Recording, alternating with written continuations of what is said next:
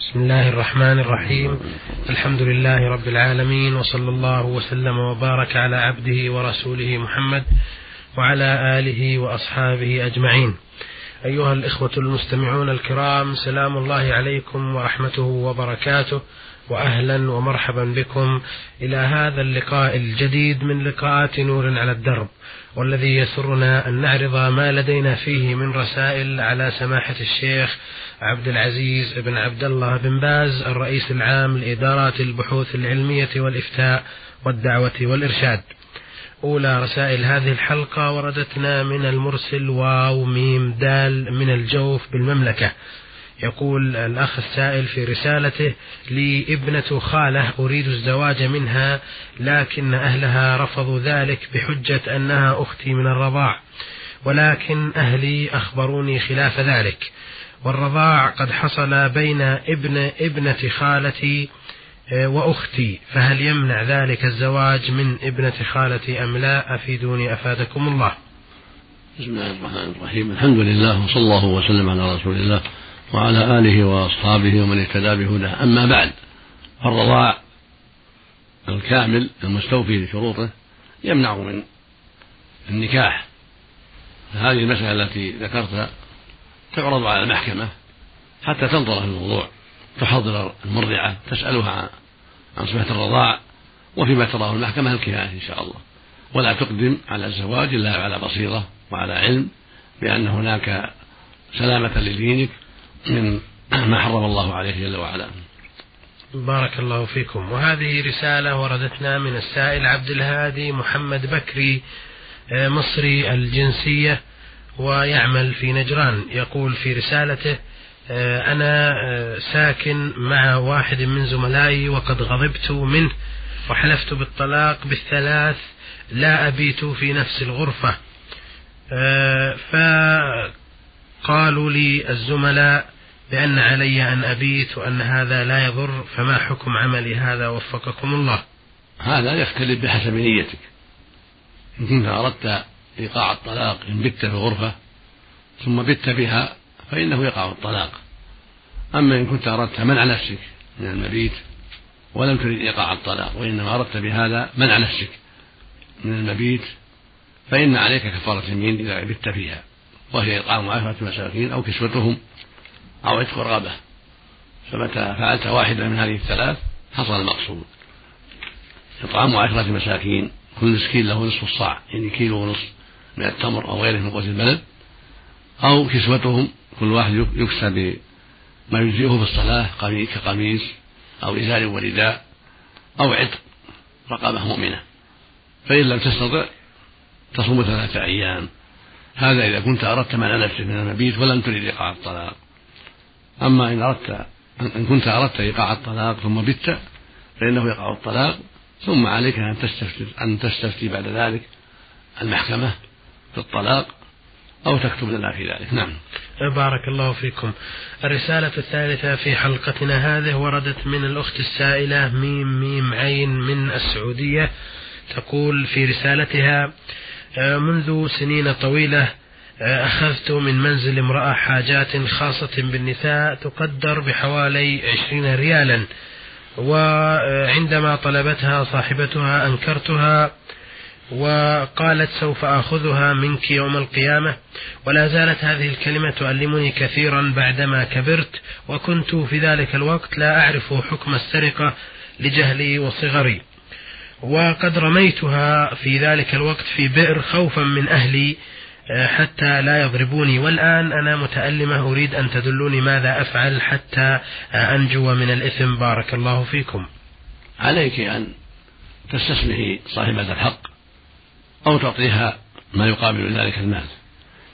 فإن سمحت فالحمد لله وإن أبت فعليك أن تدفعي إليها ما يقابل ذلك حتى تسمح. نعم. بارك الله فيكم. تقول هذه السائلة إذا كان الإنسان يصوم بعض التطوع كالست من شوال أو عاشوراء آه، أو الاثنين والخميس صامه في فترة معينة هل إذا انقطع عن الصيام آه، هل يأثم أم عليه أن يستمر؟ هذه العبادات مستحبة نافلة ليست واجبة. فإذا صام الإنسان يوم عاشوراء أو ثلاثة أيام من من كل شهر أو يوم الاثنين والخميس أو صام ستا من شوال في بعض السنوات ثم ترك هذا فلا حرج عليه. هذه أمور مستحبة غير واجبة. فمن صامها فله فمن فعلها فله أجر ومن ترك فلا شيء عليه. لكن يستحب للمؤمن الاستمرار في العبادة والحرص على بقاء العمل الصالح. فإن الله يحب العمل الذي يداوم به صاحبه. كما في الحديث الصحيح يقول صلى الله عليه وسلم أحب العمل إلى الله ما دام عليه صاحبه وإن قل. والإنسان يدوم على صيام الاثنين والخميس أو على صيام ست من شوال كل سنة أو على صيام يوم عاشوراء كل هذا طيب لكن لا يلزمه. متى أحب أن يترك أو شغله شاغل فلا حرج عليه والحمد لله. بارك الله فيكم. مم. تقول صاحبتنا هذه أيضا في آخر رسالتها آه، ما حكم صلاة الفجر بعد ظهور نور الفجر؟ متى طلع الفجر واتضح الفجر الصادق الذي يتسع في المشرق. فإن المرأة والرجل كلاهما يصح منه صلاة الفجر متى اتضح. لأن الفجر فجران فجر صادق وهو الذي ينتشر في الجو في الجو الشرقي شرقي ويتسع. وجو وفجر كاذب وهو الذي يستطيل قائما في الأفق ثم يذهب ويزول. فإذا جاء الفتوى الصادق المنتشر في المشرق فإن هذا يدخل به وقت الفجر. وتصح به الصلاة. لكن عدم العجلة حتى يتضح حتى ينشق الفجر ويكون واضحا هذا هو الأفضل مع بقاء الغلس. هذا هو الأفضل. والرجل يذهب إلى المسجد ويصلي مع الناس والمساجد عندها علم بهذا الأمر فإنها لا تعجل حتى يتضح الفجر. هذا هو الواجب على الأئمة أن يعنوا بالفجر وأن ألا يعجلوا حتى يتحققوا طلوع الفجر وحتى يتضح الفجر ثم يصلوا بعد ذلك بغلس. هذا هو الأفضل. والوقت يستمر إلى طلوع الشمس. لكن لا يجوز تأخير الصلاة إلى طلوع الشمس. ويكره تأخيرها إلى إسفار الكثير. ولكن السنة البدار بها بعد التحقق من طلوع الفجر وبعد وضوحه لكن ما دام هناك بعض الغلس. هذا هو الأفضل. نعم. بارك الله فيكم. أخيرا تسأل عن حكم وضع الحنة بيدي المرأة التي لديها العذر الشرعي. لا حرج في ذلك. لا حرج على المرأة أن تضع الحنة في يديها وهي في النفاس أو في الحيض. لا يضر ذلك. تتحنى في يديها أو في رأسها أو في رجليها. لا, لا, لا حرج في هذا. وإن كانت في حال الحيض. نعم. بارك الله فيكم. وهذه رسالة وردتنا من الجمهورية العربية اليمنية من لواء تعز من المرسل ميم عين دال. يقول هذا السائل إنه متزوج وله أطفال ويستقل في بيت لوحده هو وزوجته وأولاده وأما والده فهو في بيت مستقل أيضا مع والدته وإخوته. ويقول إن عمل والده آه، غير العمل الذي يعمل فيه وكل منهما يسعى لكسب الرزق الحلال إلا أن والدي يطلب مني مساعدته في عمله وأن أترك عملي فهل إذا رفضت طلبه أكون عاقا لوالدي أو ماذا؟ إن كنت تضر بذلك إذا كان عليك ضرر في طاعة والدك فلا يلزمك. لأن الرسول عليه السلام يقول إنما الطاعة المعروف. هكذا يقول المصطفى عليه الصلاة والسلام إنما الطاعة المعروف. حق الوالد عظيم وكبير فإن استطعت أن تعينه وأن تعمل معه على وجه لا يضرك فافعل. أما إن كان يضرك ذلك وأن عملك الذي أنت فيه في أشد ضره إليه وأنت في حاجة إليه شديدة للقيام بحاجتك وحاجة أولادك ونفقة الجميع فلا يلزمك أن تطيعه في شيء يضرك. يقول النبي صلى الله عليه وسلم لا ضرر ولا ضرر. هكذا يقول عليه الصلاة والسلام لا ضرر ولا ضرار. ولكن تجتهد في طاعة والدك فيما ينفعه وفيما يعينه من دون ضرر عليك تجمع بين المصلحتين تجتهد في أن تعمل عملك الذي أنت في ضرورة إليه وتجتهد أيضا في أن تطيع والدك والدك في الشيء الذي تستطيعه ويحصل به رضا والدك. جمعا بين المصلحتين وحرصا على إرضاء الوالد وعدم إغضابه. مع مراعاة الأصول الأصول إنما الطاعة بالمعروف هكذا يقوله المصطفى عليه الصلاة والسلام. الأصل الثاني لا ضرر ولا ضرار. هذه قاعدة كلية فليس للوالد أن يضر بك وليس له أن يدخل مشقة عليك وليس لك أن تعصي والدك بالمعروف ولكن تطيعه بالمعروف مع مراعاة عدم الضرر الذي يلحقك في طاعته. نعم. بارك الله فيكم. آه، يسأل ثانية ويقول ما حكم زكاة الذهب الملبوس؟ الذهب فيه الزكاة. واختلف العلماء فيما يتعلق بحلي المرأة المعد. لللبس والملبوس أيضا والصواب أن فيه الزكاة. الصواب الذي هو مقتضى الدليل أن في الحلي من الذهب والفضة الزكاة إذا حال عليها الحول وقد بلغت النصاب. والنصاب من الفضة 140 مثقالا ومن الذهب 20 مثقالا فإذا بلغت الحلي من الأسورة أو الخواتم أو القلائد من الذهب 20 مثقالا وجبت الزكاة في ذلك كلما حال الحول على المرأة هذا هو الصواب. هذا قول الأرجح من قول من قولي العلماء. والزكاة ربع العشر. فعليها من كل ألف خمسة وعشرون. زكاة وهكذا في الألفين خمسون ربع العشر. وينظر ذلك ويعرف ذلك بالنظر في قيمة الذهب في الأسواق كلما حال الحول. لأنها تزيد وتنقص القيمة فعلى المرأة أن تنظر في ذلك أو تستعين بمن ترى في ذلك من زوج أو أب ونحو ذلك حتى تعرف الحقيقة وحتى تخرج الزكاة كما أمر الله. والنصاب 11 جنيه ونصف من جنيه السعودي والفرنجي كذلك 11 جنيه ونصف يعني ثلاثة أسباع جنيه نصف إلا يسيرة. فإذا بلغ الحلي هذا المقدار أحد عشر جنيها ونصفا وها عشرون مثقالا فهذا فيه الزكاة. وبالجرام 92 جرام إذا بلغ الحلي 92 غرام فهو نصاب أيضا. فعليها أن تعتبر ما عندها بهذا بالمثاقيل المعروفة بالجنيه السعودي والفرنجي كذلك بالغرام فإذا بلغ ما عندها نصاب أو أكثر أو نصابين أو أكثر فعليها الزكاة كلما حال الحول. في أصح قولي العلماء ومن الأدلة على ذلك قوله صلى الله عليه وسلم ما من صاحب ذهب ولا فضة لا يؤدي زكاتها إلا إذا كان يوم القيامة صفحت له صفائح من نار الحديث ومنها قوله صلى الله عليه وسلم للمرأة التي دخلت عليه وفي يد ابنتها سكتان من ذهب يعني سواران. قال أتعطينا زكاة هذا قالت لا. هذا يسرك أن يسورك الله بهما يوم القيامة سوارين من نار فألقتهما وقالتهما لله ولرسوله. هذا يدل على وجوب الزكاة في الحلي لأنها أسورة وسكتان سوران ومع هذا أوجب عليها الزكاة وتوعدها عليه الصلاة والسلام. وهكذا ما جاء في حديث أم سلمة أم المؤمنين رضي الله عنها أنها كانت تلبس أوضاحا من ذهب فقالت يا رسول الله أكنز هذا؟ فقال صلى الله عليه وسلم ما بلغ يزكى فزكي فليس بكنز. هذا بيانه عليه الصلاة والسلام للأمة. فالواجب على النساء أن يزكين حليهن إذا بلغت النصاب وحال عليها الحول. في أصح القولين من أقوال العلماء رحمة الله عليهم. والقاعدة عند أهل العلم أن المسائل التي فيها النزاع بين أهل العلم ترد إلى كتاب الله وإلى سنة الرسول عليه الصلاة والسلام. كما قال الله عز وجل فإن تنازعتم في شيء فردوه إلى الله والرسول. إن كنتم تؤمنون بالله واليوم الآخر ذلك خير وأحسن تأويلا.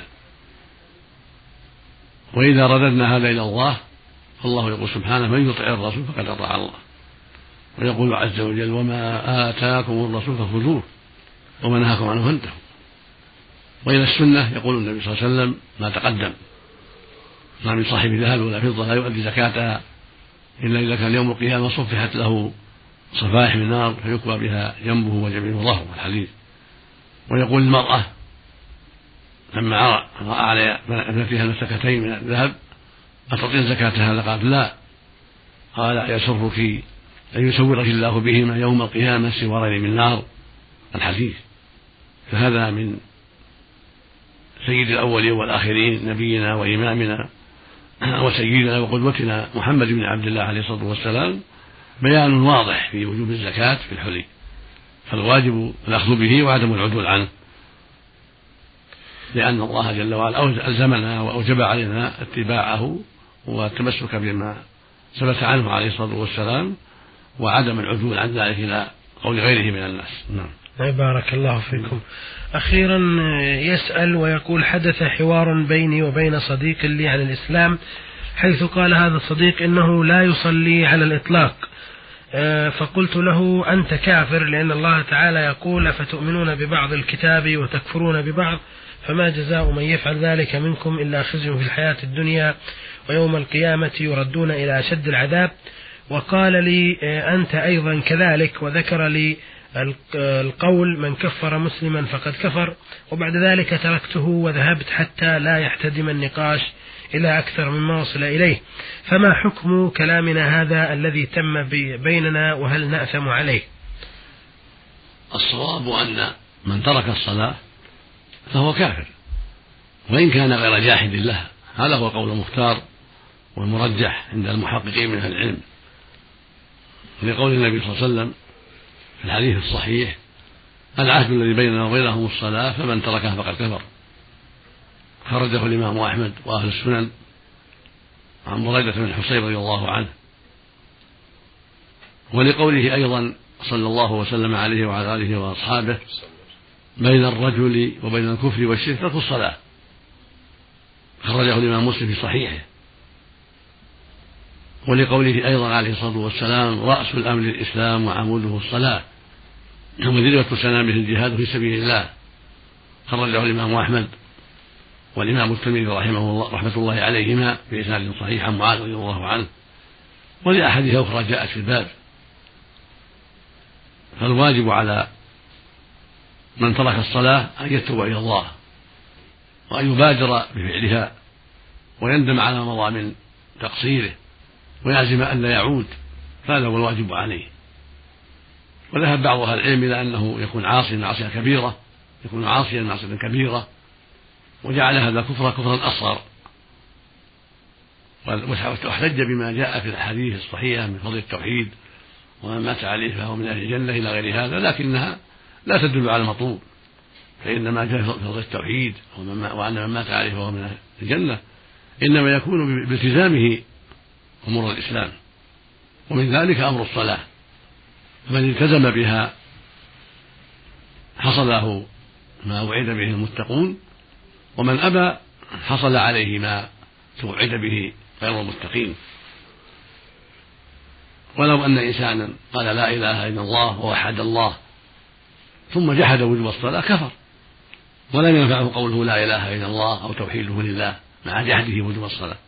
فهكذا من تركها تساهلا وعمدا وقلة مبالاة حكم حكم من جحد وجوبها في الصحيح. ولا تنفعه شهادته بأنه لا إله إلا الله لأنه ترك حق هذه الكلمة. فإن من حقها أن يؤدي الصلاة. وهكذا لو وحد الله وأقر بأنه لا إله إلا الله ولكنه استهزأ بشيء من دين الله فإنه يكفر. كما قال الله عز وجل قل أبي الله وآياته ورسوله كنتم تستهزئون. لا تعتذروا قد كفرتم بعد إيمانكم. وهكذا لو قال لا إله إلا الله وحد الله وجحد وجوب الزكاة أو جحد وجوب صوم رمضان أو جحد الحج مع الاستطاعة أو جحد تحريم الزنا أو جحد تحريم السرقة أو جحد تحريم اللواط أو ما أشبه ذلك. فإنها من جحد هذه الأمور كفر إجماعا. ولو أنه يصلي ويصوم ولو أنه يقول لا إله إلا الله لأن هذه النواقض تفسد عليه دينه وتجعله بريئا من الإسلام بهذه النواقض. فينبغي للمؤمن أن ينتبه لهذا الأمر. فهكذا من ترك الصلاة وتساهل بها يكون كافرا وإن لم يجحد وجوبها. في الأصح من قول العلماء في الأحاديث السابقة وما جاء في معناها. فنسأل الله أن يصلح أحوال المسلمين وأن يرد كافرهم إلى التوبة. ومن ذلك من ترك الصلاة نسأل الله أن يهده للإسلام وأن يرده إلى ما أوجب الله عليه من إقامة الصلاة وأن يمن عليه بالتوبة الصادقة النصوح. والله المستعان. نعم. أثابكم الله. سماحة شيخنا آه، لا أدري هذا السائل ذكر أنه كفر هذا الشخص المعين يعني أطلق عليه الكفر وهذا رد عليه بقول نعم. ما أدري ما الحكم كفر مسلم قد كفر. هذا إذا كان التكفير في غير محله كما قال النبي صلى الله عليه وسلم من قال للأخ يا عدو الله أو قال يا كافر وليس كذلك إلا حر عليه. لكن هذا الذي قال له أنت كافر في الصلاة قد وقع في محلها. قد وقع تكفيره في محله فلا يرجع إلى القائل فلا يكون القائل كافرا بل القائل قد نفذ أمر الله وأدى حق الله وبين ما أوجبه الله من تكفير هذا الصنف من الناس. فهو مأجور وليس بكافر وإنما الكافر الذي ترك الصلاة وعاند وكابر. نسأل الله العافية. بارك الله فيكم. وهذه رسالة وردتنا من صلاح عبد الرحمن حسين مصري الجنسية يقيم بالعراق بالبصرة. يقول هذا السائل في رسالته أسكن في حجرة مع بعض الإخوة المصريين وهم لا يصلون وأنا أصلي والحمد لله ولكنني أنصحهم بالصلاة فيعتذرون بأعذار غير مقنعة. ولذلك فأنا لا أقبل أن أشترك معهم في الأكل وآكل وحدي وعندما آه، تكلموا كثيرا حول سبب أكلي وحدي ذكرت لهم أني لا آكل مع مسلم لا يصلي. فهل فعلي معهم هذا صحيح أم لا؟ نعم قد أحسنت وأصبت. ما داموا يكابرون في ترك الصلاة ولم يقبلوا نصيحتك فالواجب بغضهم في الله وعدم مصاحبتهم وعدم الأكل معهم. لأن هؤلاء مرتدون عن الإسلام في أصح قولي العلماء. من ترك الصلاة صار مرتدا في أصح قولي العلماء. فالواجب نبذهم وعدم صحبتهم وينبغي أن لا تبقى معهم في الحجرة أيضا بل تكون في محل آخر حتى لا يضرك قربهم لأن صحبة الأشرار والقرب منهم فيه الخطر العظيم. فنسأل الله أن يمن عليهم بالتوبة وأن يهديهم من رشدهم وأن يعيذهم من شر الشيطان والنفس الأمارة بالسوء وأن يمن عليهم بالتوبة. أما أنت فقد أحسنت في نصيحتهم وقد أحسنت في في مفارقتهم حتى لا يصيبك شيء من شرهم. نعم. أثابكم الله. هو في الحقيقة يقول في آخر آه، هذا السؤال آه، أنا لا أستطيع أن أسكن لوحدي نظرا لارتفاع الأجور وقد بحثت عن أناس يصلون لأسكن معهم حتى أفارق هؤلاء فلم أستطع. فما حكم بقائي مع مفارقتي لهم في الأكل والحول؟ لا حرج عليك حتى تجد مخلصا لا حرج عليك من البقاء معهم مع بغضهم في الله ومع النصيحة لهم حتى تجد مكانا آخر وحتى تجد أصحابا آخرين وأبشر بالخير. يقول الله سبحانه من يتق الله يجعل له مخرجا ويرزقه من حيث لا يحتسب. ويقول عز وجل ومن يتق الله يجعل له من أمره يسرا. فأبشر سوف يجعل الله لك فرجا ومخرجا بسبب صدقك وبسبب جهادك في سبيل الله في نصيحة هؤلاء. والبعد من شرهم والبراءة من عملهم. نعم. بارك الله فيكم. آه، يسأل أيضا ويقول أرجو توضيح صلاة القصر توضيحا كاملا. وهل عندما يسافر الإنسان لمسافة بعيدة فهل يجمع صلاة يوم كامل خاصة وأنه ليس في وسعه أن يجعل الناس المسافرين معه ينتظروه حتى يصلي وسينتهي اليوم كله في السفر فما حكم جمع الصلوات كلها مع صلاة الصبح أو مع صلاة المغرب قصرا؟ آه، وهل هذا موافق للصحيح؟ صلاة القصر بينها الرب عز وجل في كتابه بيانا مجملا وأوضحها نبيه محمد صلى الله عليه وسلم. قال تعالى وإذا ضربتم في الأرض فليس عليكم جناح أن تقصروا من الصلاة. الآية وبينها النبي صلى الله عليه وسلم فكان يقصر في السفر إذا سافر صلى الظهر ركعتين والعصر ركعتين والعشاء ركعتين. أما المغرب فلا تقصر كان يصليها ثلاثا دائما في السفر والحضر. وهكذا الفجر لا تقصر صلاة اثنتين دائما في السفر والحضر. وإنما القصر في الظهر والعصر والعشاء يعني أربع في اثنتين. أما الجمع فهو رخصة إن احتاج إليه جمع وإلا تركه. فإذا ارتحل بعد الظهر وأحب أن يصلي العصر مع الظهر فلا بأس. وهكذا لو ارتحل بعد المغرب وأحب يقدم العشاء معها فلا بأس. كما فعله النبي صلى الله عليه وسلم في كثير من أسفاره. وهكذا لو ارتحل قبل الظهر فأحب أن يؤخر الظهر مع العصر كان هذا أفضل حتى يصليهما في وقت العصر. وهكذا لو ارتحل في السفر قبل المغرب فأخر المغرب مع العشاء وصلاهما في وقت العشاء كان هذا حسنا لأن الرسول فعله عليه الصلاة والسلام. أما المقيم النازل الذي نزل على الماء أو في قرية من القرى لعارض فهذا إذا كان مقيما نازلا الأفضل له أن يصلي الظهر في وقتها والعصر في وقتها والمغرب في وقتها والعشاء في وقتها. ابتداء بالنبي صلى الله عليه وسلم فإنه في حجة الوداع في منى لما كان مستقرا في منى نازلا في منى كان يصلي الظهر وحدها ثنتين والعصر وحدها ثنتين والمغرب وحدها ثلاثا والعشاء وحدها ثنتين والفجر وحدها ثنتين هكذا كان يفعل في منى في حجة الوداع قبل أن يموت بنحو ثلاثة أشهر عليه الصلاة والسلام. فهذا هو الأفضل. وإن جمع المسافر وهو مقيم بين الظهر والعصر وبين المغرب والعشاء فلا بأس. أما الفجر فلا تجمع إلى غيرها. الفجر تصلى وحدها ولا تجمع إلى غيرها. والقصر لا يكون إلا في الظهر والعصر والعشاء. أما المغرب فإنها تصلى ثلاثا والفجر صلى اثنتين. وإذا كانت الإقامة غير طويلة فهذا هو العمل. أما إن كانت طويلة قد عزم على إقامة أكثر من أربعة أيام فهذا ينبغي له أن يتم يصلي أربعا عند جمهور أهل العلم. لأن الرسول صلى الله عليه وسلم لما أقام في مكة في حج الوداع أربعة أيام قصر. والأصل أن المقيم يتم. فعلمنا أن الإقامة لمدة أربعة أيام لا تمنع القصر لأنه قدم مكة في اليوم الرابع وارتحل منها إلى منى في اليوم الثامن. وكانت مدة الإقامة في مكة أربعة أيام قبل الحج. احتج بها جمهور أهل العلم على أنها مدة لا تمنع القصر.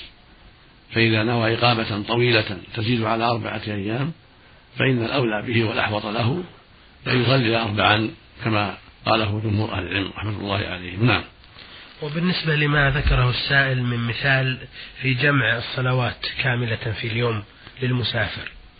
مثل ما تقدم بينا الجمع يكون للظهر والعصر في وقت إحداهما والمغرب والعشاء في وقت إحداهما. أما الفجر فلا تضم إلى شيء فيصلى وحدها بعد طلوع الفجر قبل الشمس وقبل الشمس. الفجر لا تضم إلى شيء بل يجب أن تصلى وحدها بعد طلوع الفجر وقبل أن تطلع الشمس. نعم. بارك الله فيكم. آه بهذا أيها الإخوة المستمعون الكرام نأتي إلى ختام هذه الحلقة والتي أجاب فيها سماحة الشيخ عبد العزيز بن عبد الله بن باز على رسائلكم واستفساراتكم. فله شكرنا وتقديرنا وبارك الله فيه ورضي عنه.